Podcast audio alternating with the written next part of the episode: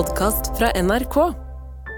Det var som om eh, verdiene etter Norges jøder var som en stor kake hvor alle ville ha sin bit.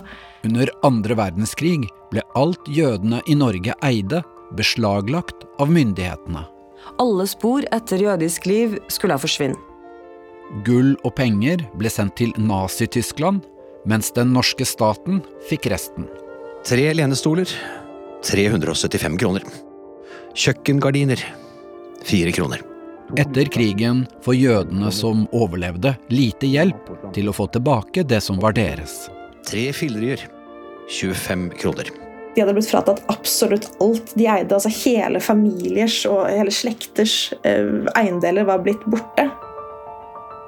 Da staten ranet jødene, hører du bare i appen NRK Radio.